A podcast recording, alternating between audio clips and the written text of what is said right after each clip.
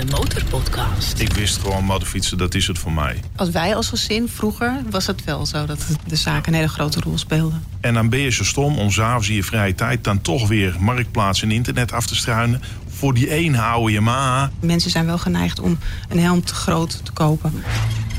De Motorpodcast. Passie voor motoren.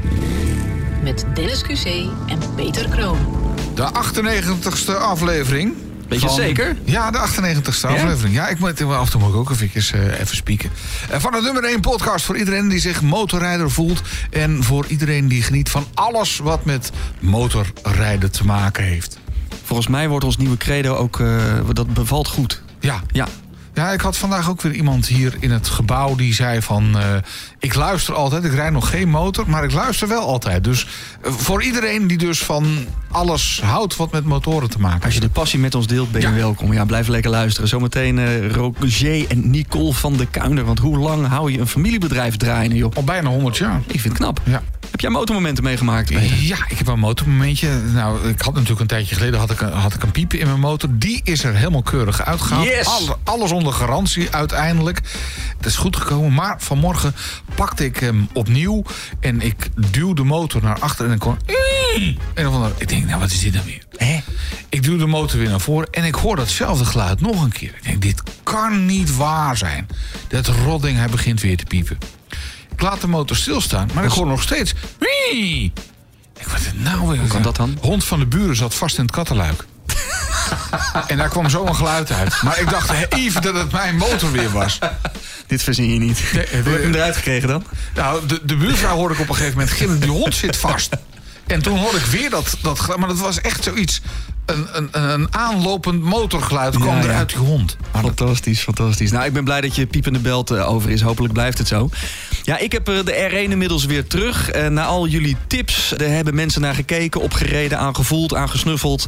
Er is van alles weer mee gedaan. En nu rijdt hij als een zonnetje. Er moest wat aan de koppeling en aan het gaskleppenhuis gebeuren.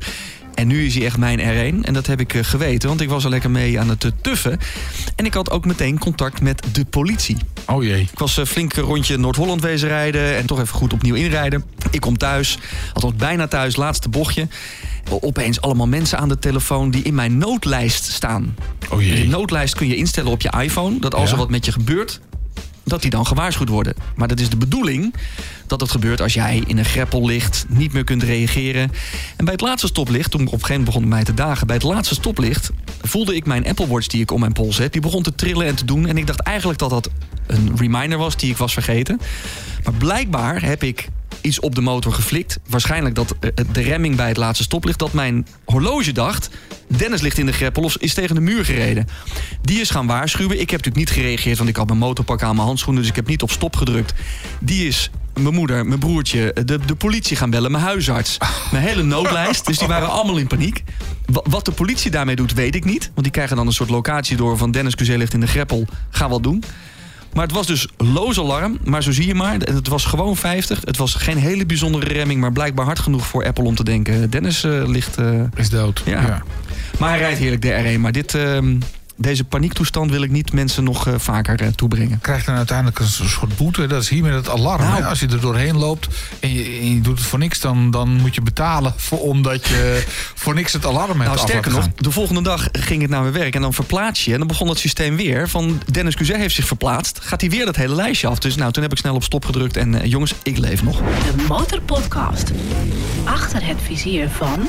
Achter het vizier van de twee eigenaren van de oudste, nog altijd operationele motorzaak in Nederland, Roger en Nicole van der Kuinder.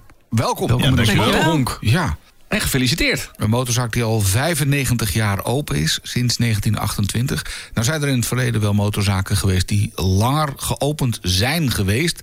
Maar ja, eh, verleden tijd, ze zijn er niet meer. En jullie zijn er dus al sinds 1928. Ja, juni 1928. Wat kostte een liter benzine toen, joh, 1928? Zie ik nu opeens te bedenken. Ja, het zoeken we op. Lang leven de moderne techniek. Het is 36 cent per liter. ja, dan kan je nog eens gas geven. En dat gaan wij nu ook doen. Snel naar de eerste vraag die wij altijd aan al onze gasten stellen. Waar rij je op? Ja, Nou, nou ja ehm, de eh, Yamaha Tenere 700 World Raid. Oh, dus met twee tankdopjes, hè? Ja, twee tankdopjes. Daar kan, daar kan extra veel in. Ja, joepie. Ik vind die, ik vind die nieuwe die er eh, aan zit te komen, de Extreme, die vind ik ook wel mooi. Ja. Heeft een hoger spatbordje. Ja, klopt. Heb je er spijt van dat je die Tenere hebt verkocht? Hoor ik dat tussen de regels door? Nou ja, kijk, ik vind het toch leuk speelgoed. En ik kwam bij een goede dealer vandaan. Ja. toch? Ja, ja, ja, dat is wel zo. Maar goed, nee, ik heb er geen spijt van. Maar als ik, als ik dan zo weer even op de site zit te kijken... denk ik van, nou, is toch wel leuk om er ook nog even bij te hebben. Maar die, en die extra tanken, omdat je veel kilometers maakt? Ja, dan maak je de actieradius wat groter. Ik maak geen, eh, geen extra kilometers. oh, Nee, ik denk, nee. je gaat de halve wereld ermee Nee, nee, rond nee. Ik eh, tank hem één keer af en- dan doe ik het hele jaar ermee. Oh, Oké. Serieus?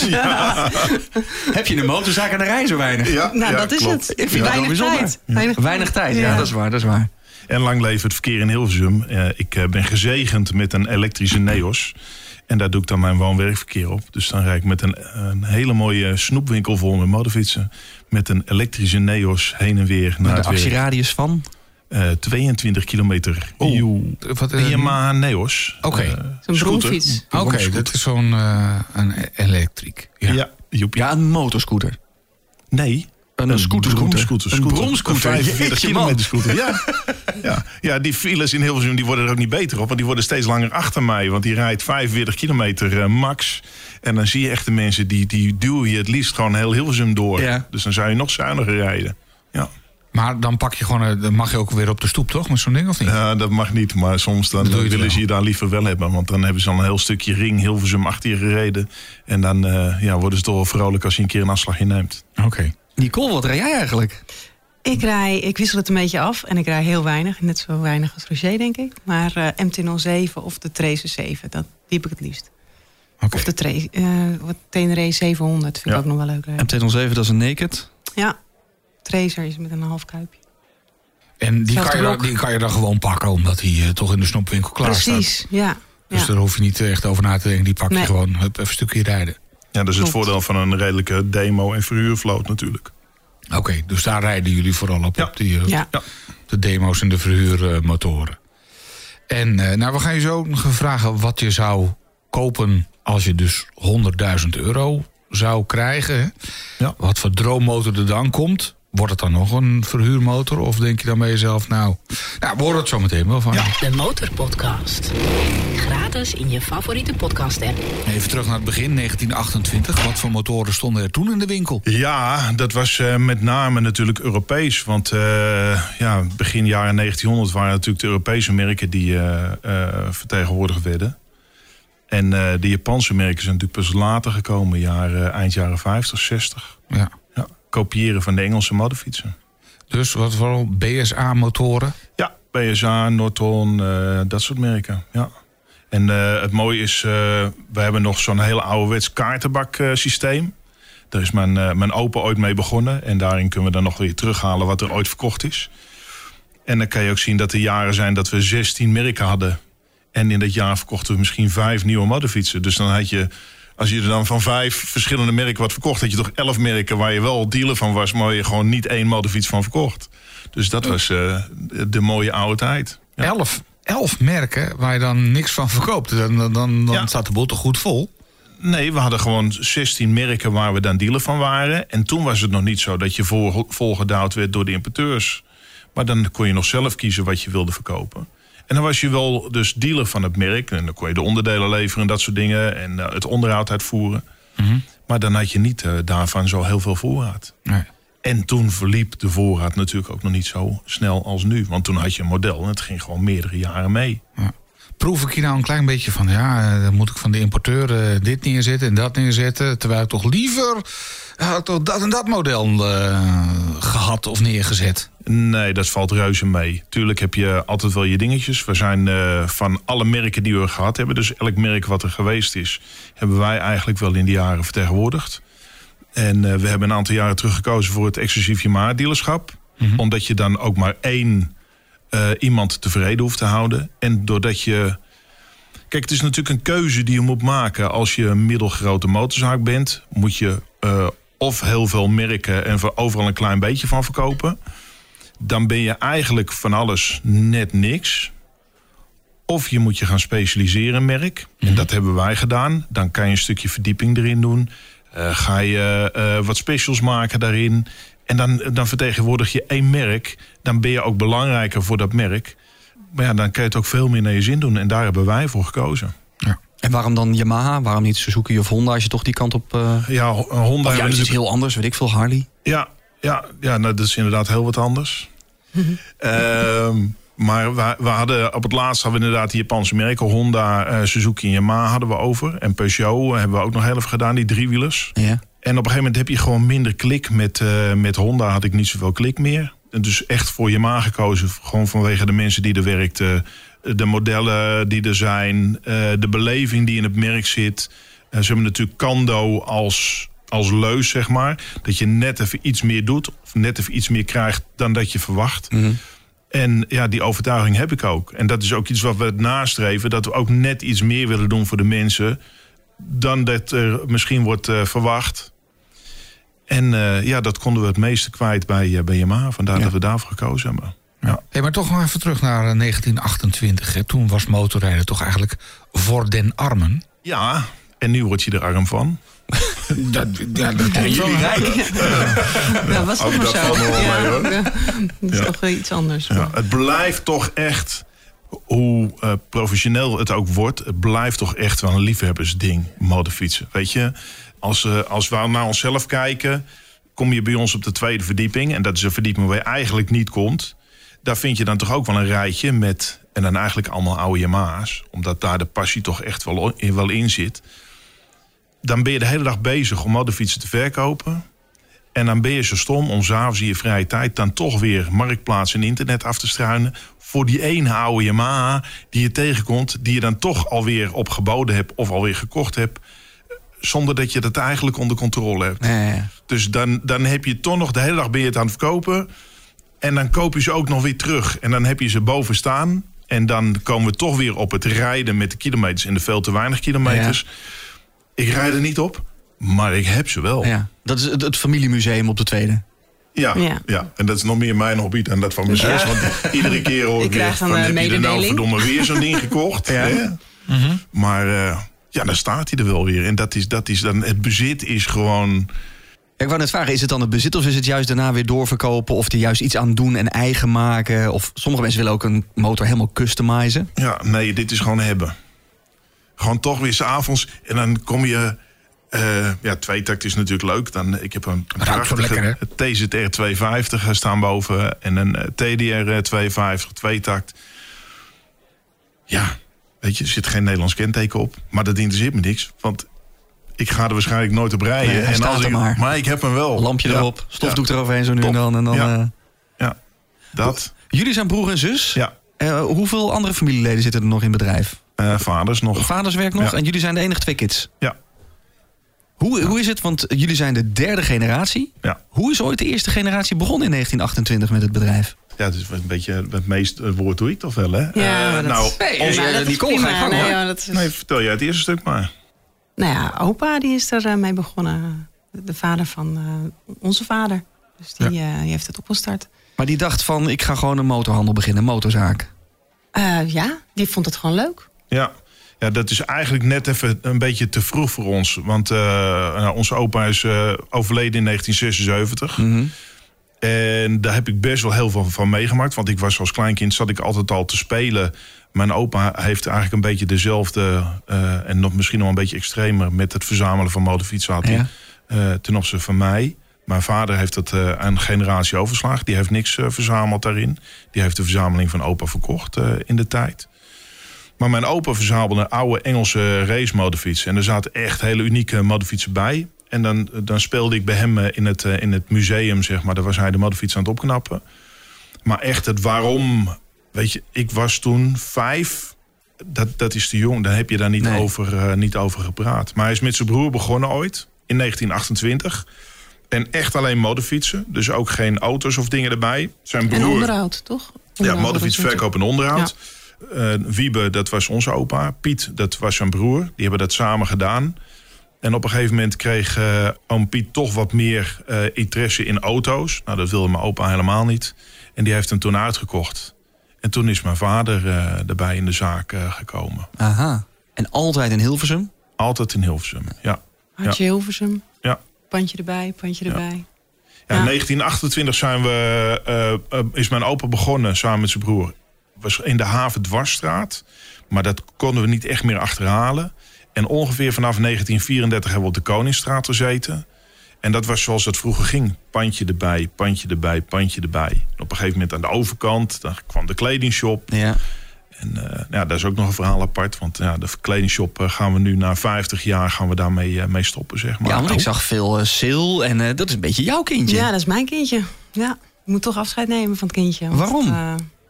ja, dat, dat is zo gegroeid. Het is lastig met de kleding. er, is, er zijn heel veel ontwikkelingen. Het wordt steeds er worden steeds grotere specialistische bedrijven komen daar die puur en alleen kleding doen. Heel veel concurrentie van uh, online uh, shops. En uh, ja, we hebben nog een poging gedaan om het iets rendabeler en iets beter te krijgen. Mm -hmm. met de samenwerking met voordeelhelmen. Maar ja. ja, dat is toch iets anders. En voornamelijk het personeelsprobleem treft ons ook. Want we krijgen gewoon niet de goede mensen. Nee, en dan draai jij alle diensten in je eentje? Dan draai ik alle diensten. En omdat je het dan drukker krijgt, omdat je online zichtbaarder bent... Uh, kan je niet iedereen meer uh, goed adviseren. En dat is wel mijn passie om uh, mensen alsnog wel de juiste spullen te laten kopen. En dat gaat niet. Dus en wat ga je dan nu doen als de... de ik blijf. De, je blijft? Blijf. Ja, nee, er is genoeg Je gaat het museum exploiteren nee. boven. Ja, ze mag poetsen. ja, poetsen. Nou, daar ben ik zo goed in. Nee, maar als, als, je passie de kleding is, de helmen, alle, zeg maar, alle toebehoren. Nou ja, ik, ik ben benieuwd hoe het uiteindelijk uh, in de praktijk gaat zijn. Maar uh, doordat we het zo druk hebben gehad en weinig mensen... zijn de andere kanten een beetje versloft. Uh, online zichtbaarheid, site, marketing, zaken... Uh, er zit ook natuurlijk nog een stukje administratie aan vast. Oh ja. Dat is niet mijn grootste hobby, maar dat moet ook moet gebeuren. gebeuren ja. Dus nee, ik kan mijn tijd wel vullen. Want ergens is er een, een, moment geweest dat jullie vader zei van... ja, jullie worden nu 16, 17, 18. We gaan eens nadenken over je toekomst. Hoe, hoe zijn jullie in het bedrijf gerold? Nou, voor mij was het al eigenlijk vanaf kinds af aan... is er nooit geen sprake geweest van iets anders. Nee? Ik wist gewoon modderfietsen, dat is het voor mij. Ja. Doordat je er tussen voetbalde en... Uh... Ja, maar ik, ik heb altijd al gesleuteld, gerommeld gedaan. Modefietsen, bronfietsen was prachtig. En ik was niet iemand die kon... Uh, ja, kan wel leren, maar dat, dat kan mij echt helemaal niks boeien. Dus maar moet je gaan lappen tekst voor houden, dat, dat wordt niks. Dus ik ben echt iemand van de praktijk. Dus ik heb uh, me door vier jaar MAVO heen gestruggeld. En toen uh, had vaders ook wel zoiets van, uh, en moeders ook... van wat moeten we die beste man nou laten doen? Want uh, ja, dat wordt niet wat. En toen was ik de, de, de jongste leerling op, de, op het IVA ooit, Instituut voor de Oudhandel. Tweejarige opleiding. Dat was best lastig. Ik was de jongste leerling ooit, 16 jaar. En dat is echt te jong, want de gemiddelde leeftijd in de klas was 26. En Oh. 10 jaar is echt heel veel op Ja. die leeftijd. Maar ja, ik wist wat ik wilde worden. Ik wilde naar de, naar de zaak toe. Dus ik heb eh, twee jaar eh, IVA gedaan. eh, met wisselend succes. Ik heb het afgerond eh, uiteindelijk op... eh, eh, Crossfit, nee. ja, dat was echt... succes. Die, als je je verslaapt Ja. tijdens je examen... Nee, dat was, Oh, dat was oh, voor, oh. mijn, voor mijn middenstandsexamen. Dit, dat had je toch niet meer nodig. Dus, Oh. eh, nee, dus dat was. eh, en toen op de zaak. En toen was ik klaar met, eh, met de IVA. En toen wist ik dat ik in dienst moest in 91. Dus ik was 90 was ik klaar met, eh, met eh, de IVA. Halfjaartje op de zaak gewerkt. Een jaartje dienstplicht. En toen had je in de tijd in Apeldoorn een grote motorzaak. Begin jaren 90 de import van al die modderfietsen vanuit Amerika. Dat ging als een malle natuurlijk. Waanzinnig. Ehm, om het toch eens ergens anders te leren. Gewoon eens voor een baas. Action Motors in, in de maten. Prachtig pand. Heel groot. Heel veel import van, eh, van modefietsen. En daar zou ik eh, drie maanden aan de gang gaan. En Etjo eh, Buitenhuis was daar de baas. En die zegt, nou meneer Kander, u wilt het leren, dat kan. Wij zijn zes dagen in de week open. We beginnen s'morgens om half acht. Wil jij een kopje koffie drinken, dan moet je zorgen dat je er om zeven uur bent. Om half acht gaan we aan de gang. En s s'avonds is het klaar als het klaar is. En dat was zes dagen in de week. Zou ik drie maanden gaan doen. En ontzettend veel geleerd. was echt ontzettend gaaf om te doen. En daarna ben ik op de zaak begonnen. En vaders eh, zei van, nou, wat wil je gaan doen? Nou, modderfietsverkoop. En vanaf dat moment heb ik gewoon eh, ja, de modderfietsen verkocht. En ingekocht. Dat, de, de- de- zomaar gewoon, doe maar. Bestel maar, zoek het uit. Blind vertrouwen. Blind vertrouwen. Ja. Maar dat is het voordeel van een familiebedrijf natuurlijk. Dat je dat blinde vertrouwen met familieleden misschien makkelijker hebt dan met vreemde tussenhaakjes. Ja, maar dan nog. Ik bedoel, eh, ik ben gezegend met, eh, met vier kinderen. Maar om dat vertrouwen te geven, dat is toch Ja. echt knap. Dat is waanzinnig. En wat dat betreft, ja, nogmaals, steeds meer eh, respect voor, eh, voor wat hij toen. eh, hij zal wel iets in me gezien hebben, denk ik. Ja, anders besta je niet 95 jaar en je hebt het succesvol overgenomen. Ja, ja, Ja, en en hij, dat was is. wel, hij was ook vroeg begonnen. Hè? Dus het was eh, voor hem ook zijn hele... Ja, ja Hij want eh, hij is op zijn vijftiende, eh, Nico, eh, onze vader, is op zijn vijftiende begonnen. En tot op de dag van vandaag eh, is hij nog steeds op de zaak. Het liefst elke dag. Ja. En hij kan het niet meer. Hij wordt echt wel een beetje wat te oud. En hij best wel wat, ook voor zijn leeftijd eigenlijk al iets te veel slijtage en eh, dingetjes tegen eh, op dit moment. Maar het liefst is hij nog elke dag op de zaak. Ja. ja. Mooi toch, ze hoort het in een familiebedrijf. Ja, nou ja, ik, ik kom ook uit zo- zo'n familiebedrijf. Maar goed, ehm, jij bent dus eh, op, je, op je vijfde zat je al bij je opa. Tenminste, tussen de motoren. Moest je ook meehelpen met sleutelen? Of tenminste af en toe even een sleutel vasthouden... zodat opa aan de andere kant hem vast kan draaien? Nee, dat was echt toen de tijd meer, eh, meer eh, kijken naar wat opa aan die oude Engelse dingen aan het sleutelen was. Ja. Maar dat was nog natuurlijk, in, zeker in die tijd, het, het echte, ja, noem het handwerk, zonder al die technische, dat technische computergedoe van nu. Ja, tuurlijk. Dat maar was echt nog was gewoon ook aanvoelen. de TT Assen, dat was de, eh, het evenement. En daar moesten mensen naartoe. En al weken van tevoren was het in de werkplaats druk. Mensen kwamen langs. Hadden we nog van die grote blikken dukkums eh, eh, van dat kettingvet op de kachel staan in de werkplaats. En dat smolt dan. En dan haalde je die ketting eraf. Die werd dan schoongemaakt gemaakt en gespoeld. En die werd dan in, die, in, die, in dat blik, blik dukkums op de kachel gelegd. Ja, en de- dan werd, dat, werd je ketting werd uitgekookt. En de, de ketting moest gesteld worden. En, en als die mensen daar waren in, A- in het verre Assen... Ja, dan moesten ze soms alweer de ketting stellen voordat ze terug konden. Ik bedoel, die, Die tijden tijd, zijn wel veranderd. ja, dat was een wereldreis, Assen. En tegenwoordig, ja, ben je er fluitend. Wil je nog meer horen van onze gasten? Word dan vriend van de Motorpodcast. Kijk op demotorpodcast.nl. Familiebedrijf, je werkt met je familie... maar je moet je familie af en toe ook wel een beetje kritiek geven, denk ik. Eh, hoe, hoe doe je dat? Ja, nou ja, dat hebben wij natuurlijk ook wel eens. Ja, ja natuurlijk. Ja, ja. Daar zijn we naar op zoek. Ja. Ja, ja, ja. Ik Nee, kijk, ook even naar Nicole. Dan moet je wel eens tegen Roger zeggen... wat heb je nou toch eh, Eh, ingekocht? Als, Altijd. Ik, ik zeg het meestal. Kijk, eh, dat is makkelijk. hè. Roger is eh, meestal de snelle beslisser. En die beslist soms zo snel. Dan denk ik van, huh? Wa- Was het overleg of zo? Maar nee, nou, ja, doen, ze, ze, mi- doen ze een miskoop of je dacht van, nou, Nee, dat niet had je niet miskopen. moeten Ik doen, zeg geen miskopen hoor, maar gewoon dat je ineens iemand hebt aangenomen. Of eh, dat er, eh, nou ja, eh, ik ga niet in op de details. Maar Heb je nou de zaak weer anders ingericht of dat soort Ja, dingen? nee, ja, precies. Of oh, gaan we dat ook doen? Ja, nee, dat had ik even besloten. Nee. Maar meestal pakt het heel goed uit. Maar hij is dan van de grote lijnen en ik van de details meer. Dat ik denk van, nou, heb je daar al aan gedacht? Of dat moeten we nog eventjes goed eh, uitwerken. En dat, dan vullen we elkaar wel weer aan. Maar het lijkt me wel pittig, want gewoon op een zeg maar, zakelijk kun je tegen een collega best wel eh, ja, hard. Ja, hard of in ieder geval anders kritisch zijn dan op Ja. je, je broer of je vader. Ja, aan de ene kant kan dat, is, is dat lastig. Want onze communicatie is ook niet altijd... eh, ja, we kletsen makkelijk misschien. Maar de communicatie onderling is soms wel wat lastiger. Maar ja, je komt daar toch wel weer uit. Ja. Want je, ja, je bent natuurlijk ook vergevingsgezinder. En je En, moet eh, wel. Je blijft, je blijft je- al broertje en zusje. Ja, Ja. precies. En op verjaardagen, dan gaat het ook alleen maar over de zaak, denk ik. Of op ja. een uitje, feestje, borreltje. Wel even in ieder geval. Ja. Of vermijden jullie dat?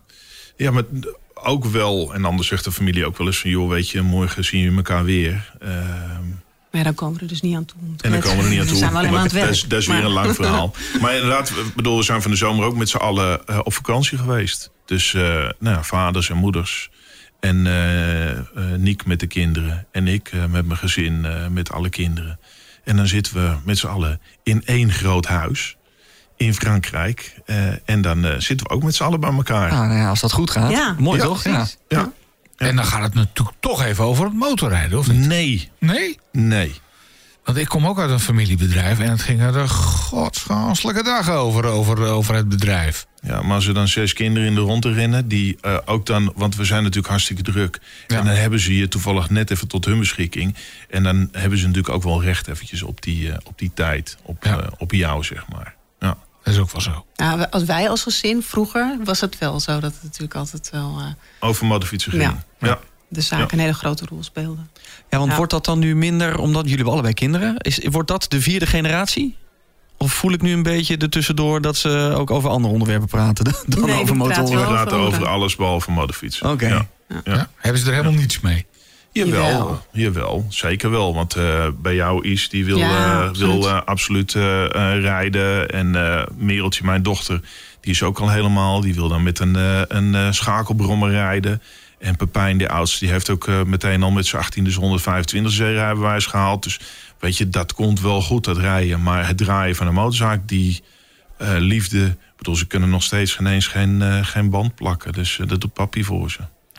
ja. Maar dat hoeft niet te betekenen dat je geen motorzaak kan overnemen, toch? Nee, dat hoeft het niet te betekenen. maar- Het kan best zijn Nee, dat ze heel goed zijn in administratie of marketing. Of, eh, ja, dat klopt. Dat klopt. Je luistert naar de Motorpodcast, de nummer 1 podcast voor motorrijders en motorliefhebbers. En Eigenlijk voor iedereen met motorpassie. Nou, dat zit hier wel in. Zometeen nog de 100.000 euro vraag. En we zijn het ook benieuwd naar jullie meest memorabele motormoment. De Motorpodcast. Sta je voor rood en wordt je motor niet gezien? Zie je gevaarlijke wegsituaties voor motorrijders? Baal je ook zo van al die wegen waar je als motorrijder niet meer welkom bent? Motorrijdersactiegroep MAG komt op voor jouw belangen. We laten van ons horen in Den Haag. We voeren rechtszaken voor open wegen. We lossen problemen op. Dat kunnen we nog beter doen als ook jij lid wordt. Het kost je bijna niks. Nog geen tankbenzine per jaar. Kom op. Meer weten? Motorrijdersactiegroep.nl De Motorpodcast. Zometeen praten we in de bikeset van de Motorpodcast verder met Nicole en Roger van de Kuiner. Zij zijn de eigenaren van de oudste motorzaak in Nederland. De oudste motorzaak die nog altijd geopend is. Maar eerst gaan we eventjes naar de post. Ja, de mailbox is eh, overstroomd. Want eh, zoals jullie weten hebben wij begin oktober aflevering 100 al opgenomen. Er zijn heel veel leuke reacties op binnengekomen. Eh, zo ook deze. Van ver weg is dan. Hallo Peter en Dennis. Ik wens jullie ontzettend veel plezier met het opnemen en vieren van de 100ste aflevering. Als ik nog in Nederland had gewoond, had ik al lang dat veel te dure kaartje gekocht om erbij te zijn. Smiley, smiley, smiley. Tot dusver is het weer hier aan de westkust van Canada, Vancouver Island, nog heerlijk mild. Iedere aflevering van jullie is een feest. Ik download er één en ik kan er een uurtje mee in mijn helm lekker rond mee toeven. Uiteraard kan ik deze mail niet afsluiten zonder een foto van mijn ride bij te voegen. Het is geen motor, dit is een Harley.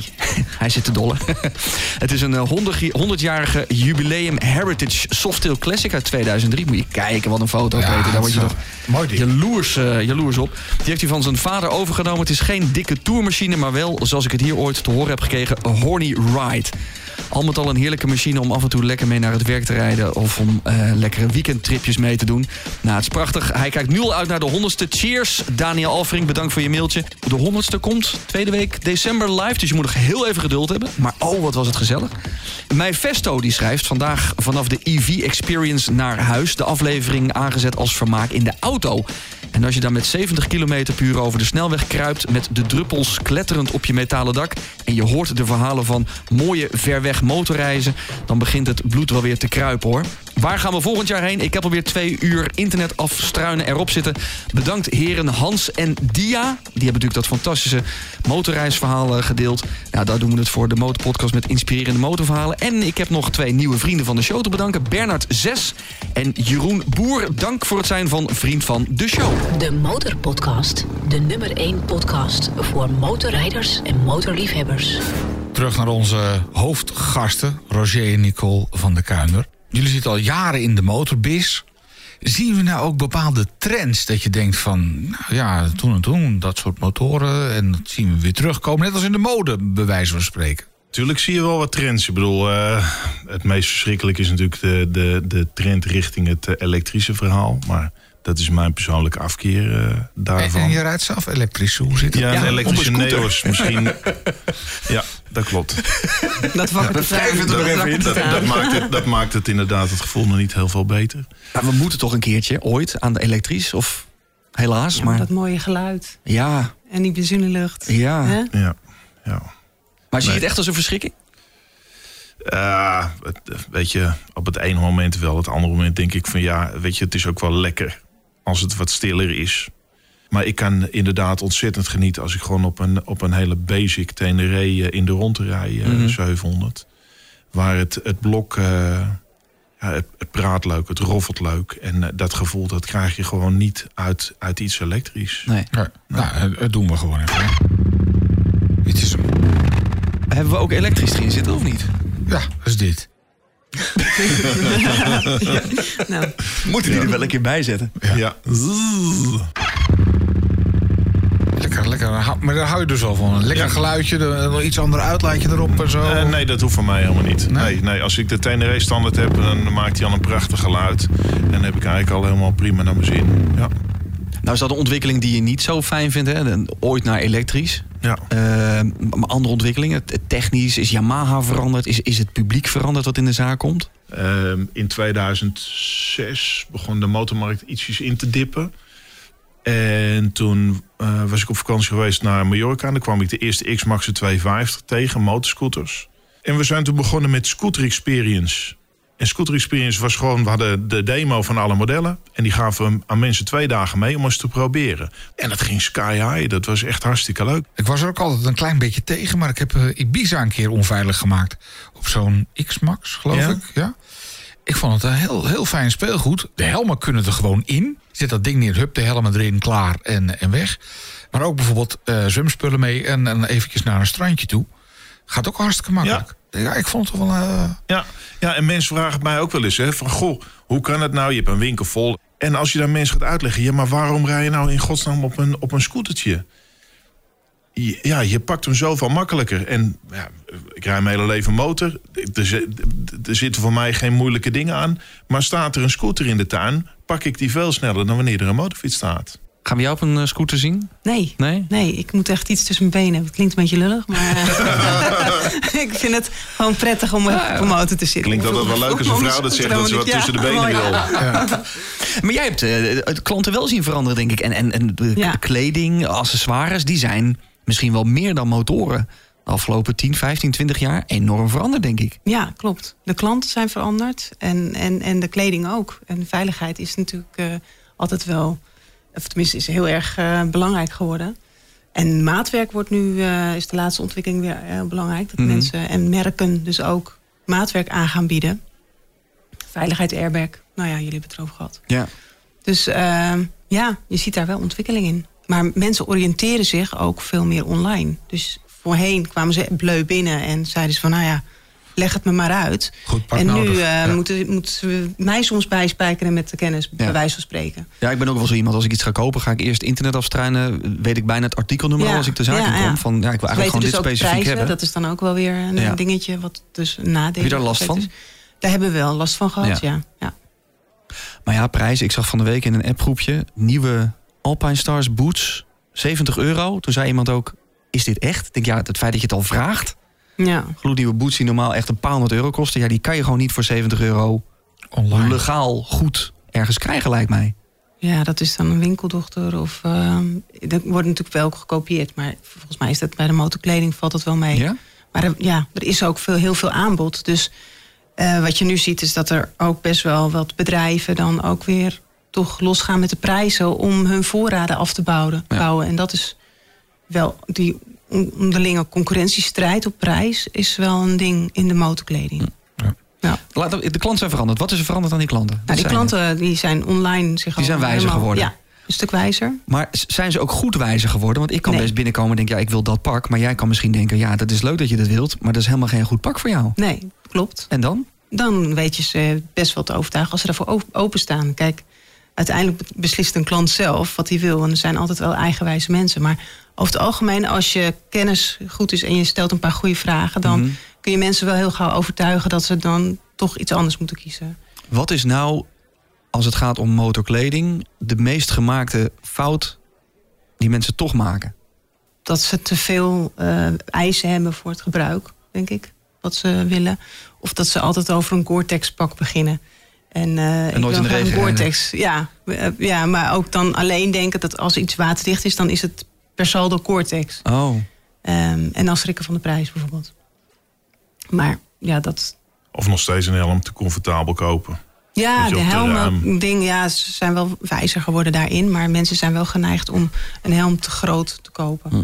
En dat, eh, ja, dat gaat ten koste van de veiligheid. Dus. Daar eh, willen we ze altijd wel een beetje op wijzen als ze daarvoor openstaan.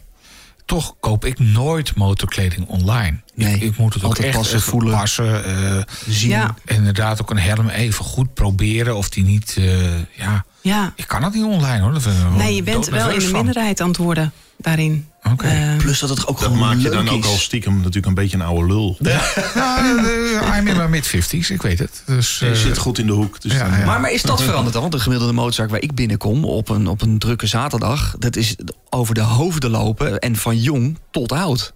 Het is ook een uitje.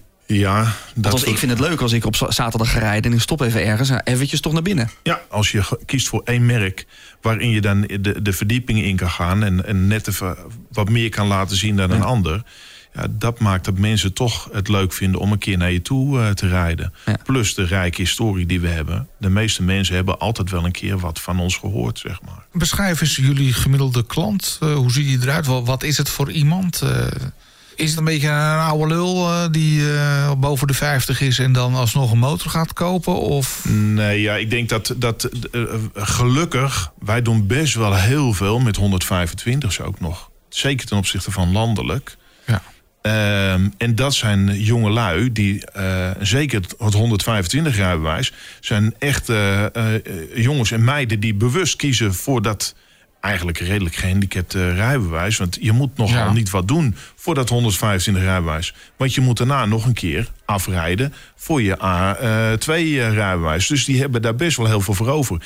En het enthousiasme wat hun hebben, dat is zelfs voor ons. Hè. Ik bedoel, ik zit er 30 jaar in. eh Niek, eh, ja, ja, denk ik 25 ja, of zo. 25. Ehm, dat werkt voor ons ook nog steeds aanstekelijk. Dat is leuk. En dat is nog wel eens een vergeten groep. Eh, maar wij merken dat die heel enthousiast zijn. Maar dat is toch, dat is toch de, de, de motorrijder van de toekomst. Iedereen die nu met eh, 18, 19, 20 op zo'n 125 stapt... ja, dat zijn allemaal motorrijders voor het leven. Ja, ja en dat zijn ook eh, zeker met de social media natuurlijk de ambassadeurs voor de, voor de toekomst. Ja. Want als je ziet wat daar eh, op social media mee gebeurt, al die jongelui, dat maakt het voor ons ook echt leuk. Ja. En één keer een modderfiets verkopen, dat is niet zo moeilijk. Maar de tweede, derde, vierde is wel heel leuk. eh. en wij hebben klanten waar, waarbij inderdaad opa ooit een keer bij onze motorfiets. En dan vader. En nu komen de kinderen. Ja. En dat maakt het wel heel speciaal. Ja, dat maakt het echt heel leuk. Dat zijn voor ons, denk ik, altijd wel de opstekers. Ja. En als het CDA aan de macht komt, dan wordt de verkoop van 125 cc's helemaal eh, sky high. Want ze willen het legaliseren voor rijbewijs Ja. B-bezitters. Eindelijk, Ja. zou ik zeggen. Is dat een Ja? goed plan volgens jullie? Gedeeltelijk. Ik heb er ook wel mijn ideeën over. Kijk, ik, de, de fietspaden worden overvol en iedereen loopt maar eh, te tobben over eh, bereikbaarheid. Dus ik denk dat, dat met een, een toch wel eh, een gedegen opleiding vanaf 16 jaar. En dan met een of een 125 of een eh, equivalent elektrisch. En dan kom je toch weer op het elektrische verhaal. Voor in de stad zou dat toch wel ideaal zijn. Maar ik ben zelf van mening eh, dat je met een 125 cc die jongelui de snelweg niet op moet sturen. Die moet je gewoon stad en eh, 80 kilometer wegen. Want met een 125 cc heb je eigenlijk niks te zoeken Nee. op de snelweg. En daar sturen die jonge enthousiaste honden wel naartoe.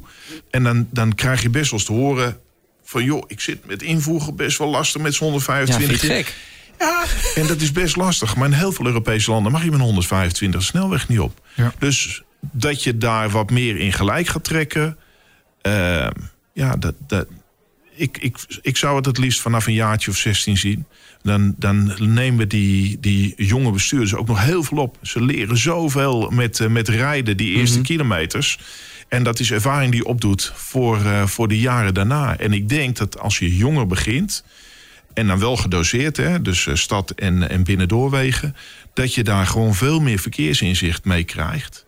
En dat je dan ook de druk een beetje van die fietspaden afhaalt. En dat je ehm, toch ook mensen sneller leert met eh, een tweewieler woon-werkverkeer te rijden. Want ja, de steden zijn vol, parkeren wordt lastig. En dan, dan als je die jongelui... Bronfiets gaat er een beetje af. Dat, dat is soms toch voor een hele groep wat minder cool. Ja, zo'n elektrische fiets is hartstikke leuk. Waarbij je het leven zo gevaarlijk is. En je hebt een vervoersmiddel wat mega schoon is. Een fiets. En die ga je vervuilen door een elektromotor op te zetten. Met alle eh, grondstoffen die je moet delven. Dus dat is Iedereen die zegt ik rij lekker groen op mijn fietsje in de ronde. Dat is dat hele kleine groepje die misschien de auto laat staan en iets verder wegrijdt. Maar iedereen die met een elektrische fiets door de stad rijdt, ja, die vervuilt in principe alleen nog maar meer. Oh ja, zo heb ik er nog niet naar gekeken. Maar eh, het 125cc verhaal, hè, CDA wil dat ook graag eh, promoten. Dus binnenkort eh, schuift er een eh, politicus hier aan tafel aan bij de Motorpodcast. Dat is Pien, Pien Meppeling. Ja, Om leuk. haar verhaal eh, te vertellen. Ja, ook een familie eh motorfietsmensen. De dochter van, eh, van Woutje natuurlijk. Oké. Eh, Wout eh, van eh eh, Bronfiets, het, eh, het Bronfietsblad. eh, waar die nou net mee gestopt is. Maar eh, ja, dat is ook wel genetisch bepaald bij Pien. Oké, nou dan kunnen we het daar ook nog eens zij is voorstander en binnenkort spreken we ook de NEFOM, de partij die tegen motorrijders en motorlawaai-overlast is. Dus die, die zitten er heel anders in, denk ik. Dat worden interessante afleveringen. Maar je hoeft het niet altijd met elkaar eens te zijn. Nee, hè? nee, Want- zeker want niet, juist zeker niet. in, in, in die, die, die wrijving kom je eh, soms toch, vies woord, compromissen. Maar soms kom je wel verder door gewoon af en toe even een beetje... Nee, maar ik denk wel, ik ben het wel met je eens. Je moet iemand met een 125 cc die eigenlijk niks op, die, wat gewoon onveilig is op de snelweg, waar mensen gewoon 130 rijden s'avonds of eh, harder. Ja, dat is gewoon niet slim. Omgekeerd vind ik ook, en dan komen we weer op de discussie eh, driewielers, ehm, dat het best gek is om sommige mensen uit de auto capriolen uit te zien halen op een driewieler die zich eigenlijk toch al als, als motor gedraagt. Dat ik denk van ja, ik weet niet of dat nou zo veilig is eh, als weggebruiker. Moeten we dat nou allemaal wel willen? Ja, dat klopt. Het zijn, mooie, het zijn mooie discussies. En we komen er ook in de podcast niet uit. Want we hebben Ja. nu ook luisteraars. Ja, die, die vinden überhaupt wat van een motorscooter, van een driewieler, van een aanrijbewijs. Weet het, eh, code Nee. 80, noem maar op. eh. Ja. als er dan iets is wat veranderd is, dat iedereen een mening moet hebben. Moet hebben ook. Ja.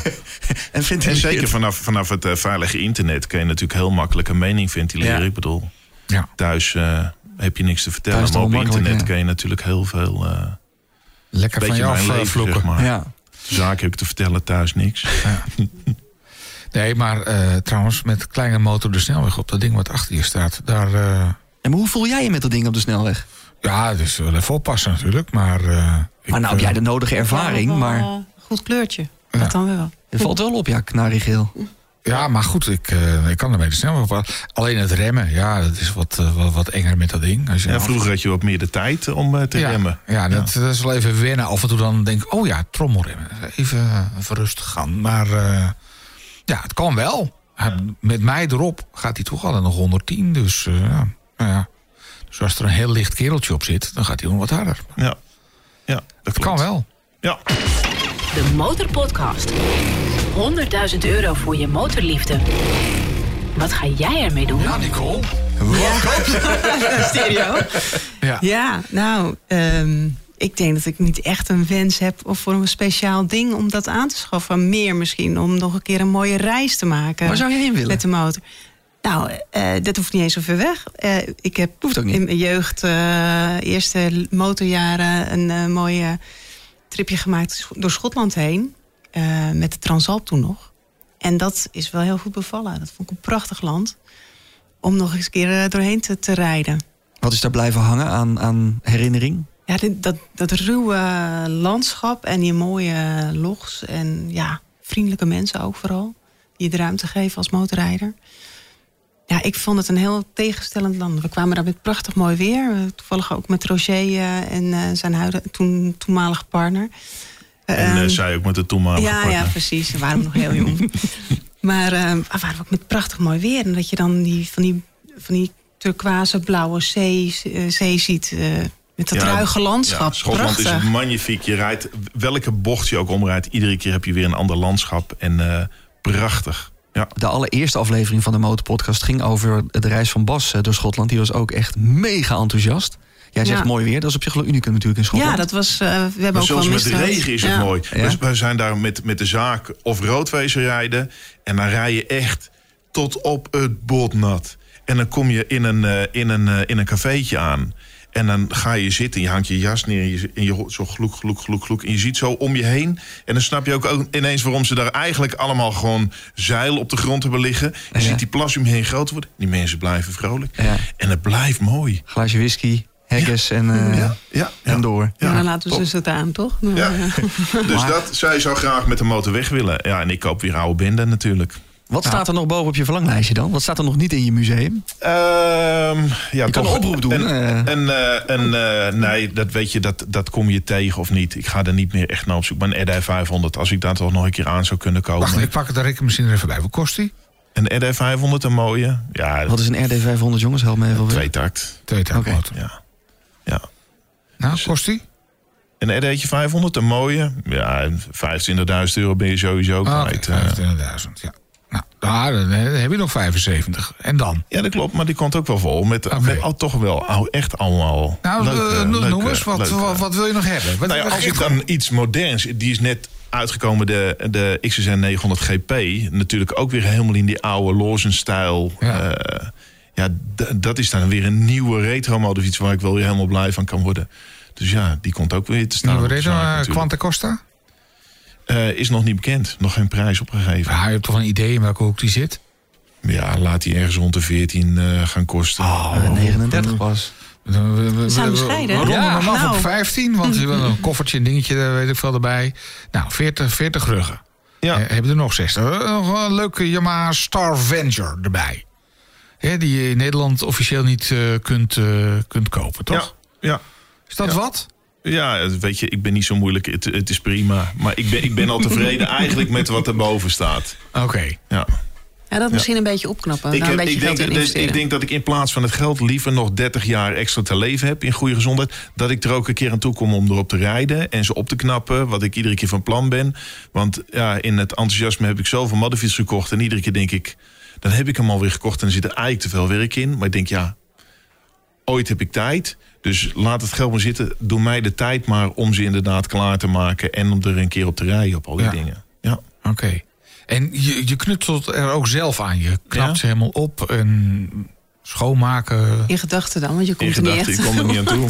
Nee. Je hebt een fantastische werkplaats, dus Ja, aan de werkplaats pakken wat ligt je het wilde. niet. Nee, dat klopt. Alleen de werkplaats is natuurlijk volgeboekt. En daar moeten we centjes in verdienen. Ja. En, eh, en die, die, die oude rommel van mij. Maar ja, dan, dan, dan worden de monteurs weer helemaal in Oh, de war. ja, ja. Want dan, ik ben dan veel te enthousiast. En dan heb ik overal ligt er een exploded view van modderfietsen. En, en onderdelen en dingen.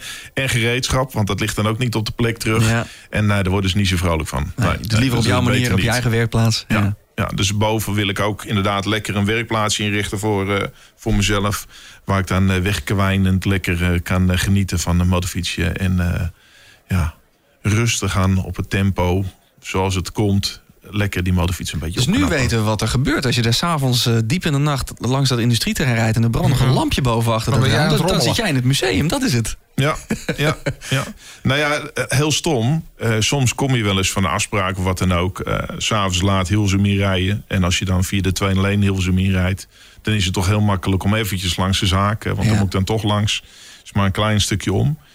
En dan betrap je jezelf er toch eens op... dat je eh, dan voor je eigen winkeltje stilstaat... En dan stap je uit en dan ga je van buiten naar binnen staan kijken.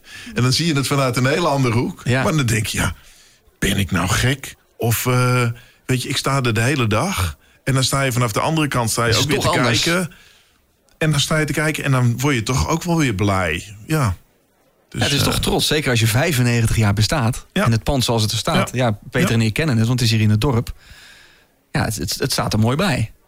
Ja. Ja. Waar staat Van de Kuiner eh, als jullie 100 jaar zijn? Of 105 of 125?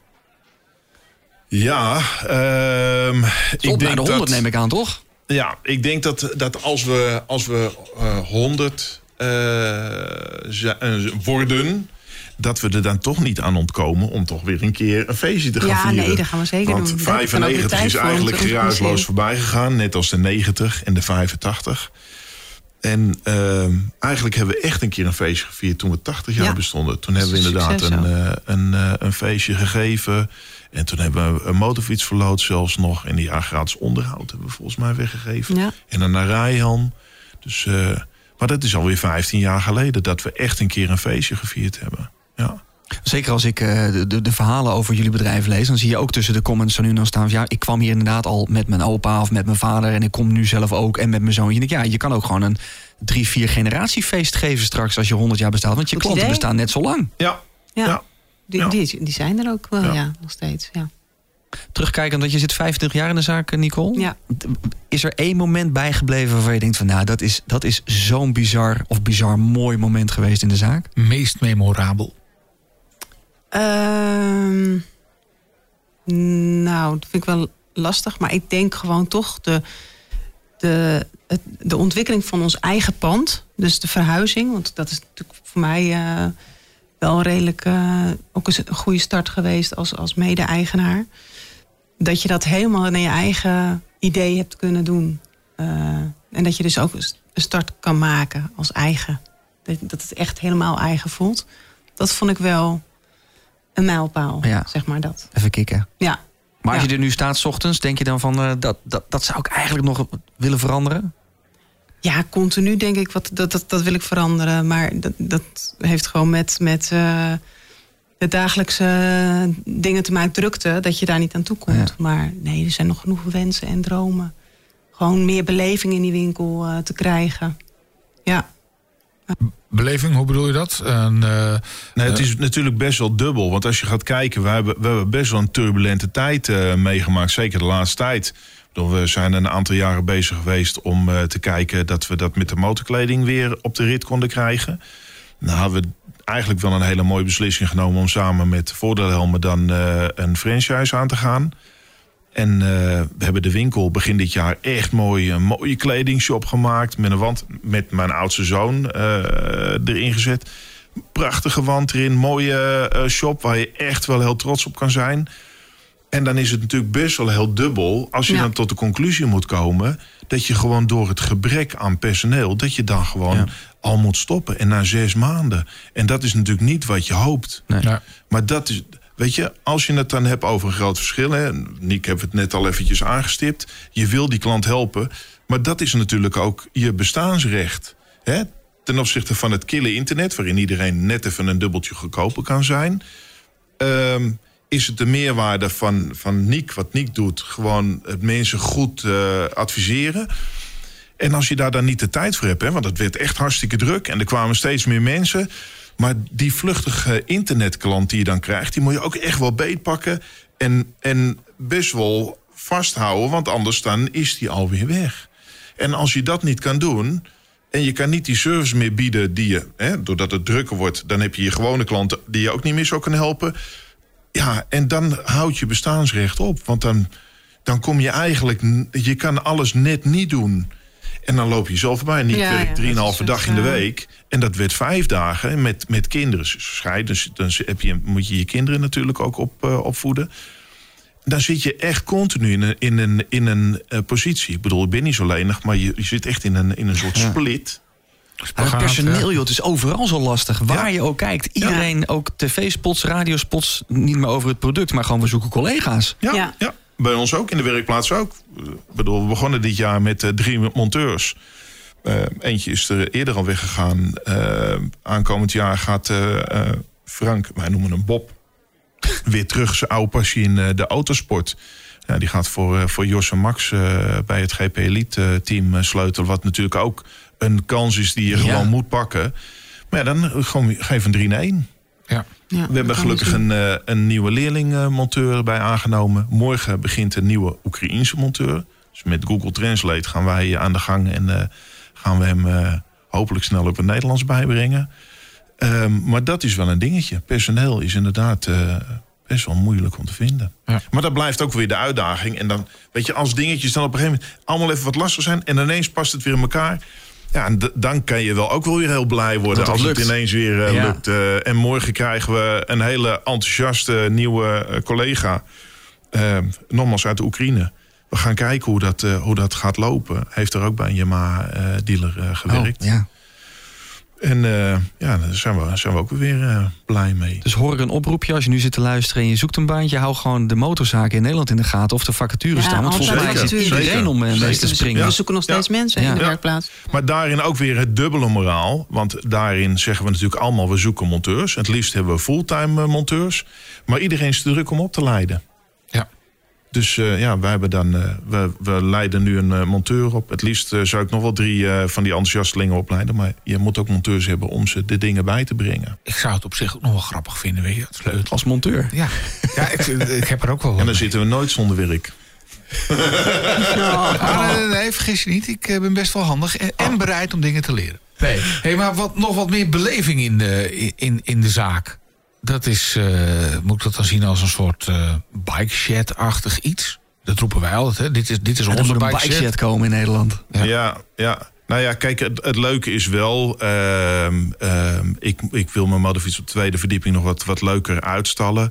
En dan is het wel leuk om de mensen... weet je, je, hebt je, je hebt je nieuwe motorfiets in de winkel staan... maar om mensen die echt enthousiast zijn van het merk... en ook soms om ze nog wat te overtuigen... van joh, laten we nou eens naar de Yamaha Heritage gaan kijken. En dan heb je gewoon een uitstallingje boven. En dan kan je zien waar het merk Yamaha vandaan komt... door de jaren heen. En... eh, ja, er is in ieder geval alleen iemand die het leuk vindt. Dat ben ik zelf. maar ik merk wel dat mensen het ook wel echt heel leuk vinden. Oh, mag ik dan even kijken? Is niet heel bijzonders. Maar, Maar dat is toch mooi, je passie kunnen delen. Weet je, of het nou via een winkel is, of via een museum, of via een, eh, de mensen houden vlogs bij, blogs. Eh, delen gewoon foto's. Dat is het mooie wat wij met de podcast ook doen. Gewoon mensen achter de microfoon die passie voor motoren hebben. En als jij denkt, ja, ik ga die tweede verdieping wat beter uitlichten en afstoffen, is toch Ja. alleen maar mooi. Ja, ja, dat klopt. Als je mensen daarmee weer, weer kan enthousiasmeren om, om of later te gaan motorrijden als kind. Of te denken, nou ja, ik, eh, ik ga toch een andere motor kopen. Of ik ga toch door het zien van jou Heritage boven een, een andere keus maken. Ja, alleen maar mooi. Ja, ja. En soms zie je het zelf ook niet meer zitten. En dan ga je boven zitten en denk je... krijg je er ook weer een Goedje open. Dan kan je er ook weer mee door. Ja. Ja. Wij moeten nog eh, napraten, denk ik, in de nabranden. Voor vrienden van de show. Ja, de, de Nicole en eh, Roger, dank voor jullie komst eh, naar de studio van de Motorpodcast. En gefeliciteerd met eh, jullie jubileum. Nog net op het randje in 2023. ja, dankjewel. Als je van de Kuinder een keer een bezoekje wilt brengen, be- bezoek ze dan in Hilversum. Van Daar vind je alle informatie. We gaan nog met jullie nabranden in de nabranden voor vrienden van de show. En ben je nog geen vriend van de show, word dat dan snel op demotorpodcast.nl. Want eh, dan krijg je onder andere de nabrander. En vind je deze podcast leuk, deel hem dan ook vooral met andere motorrijders. Heb je nou Spotify als favoriete app? Druk dan op het knopje volgen, want dan krijg je automatisch een seintje bij de volgende aflevering van... De Motorpodcast. Gratis in je favoriete podcast app.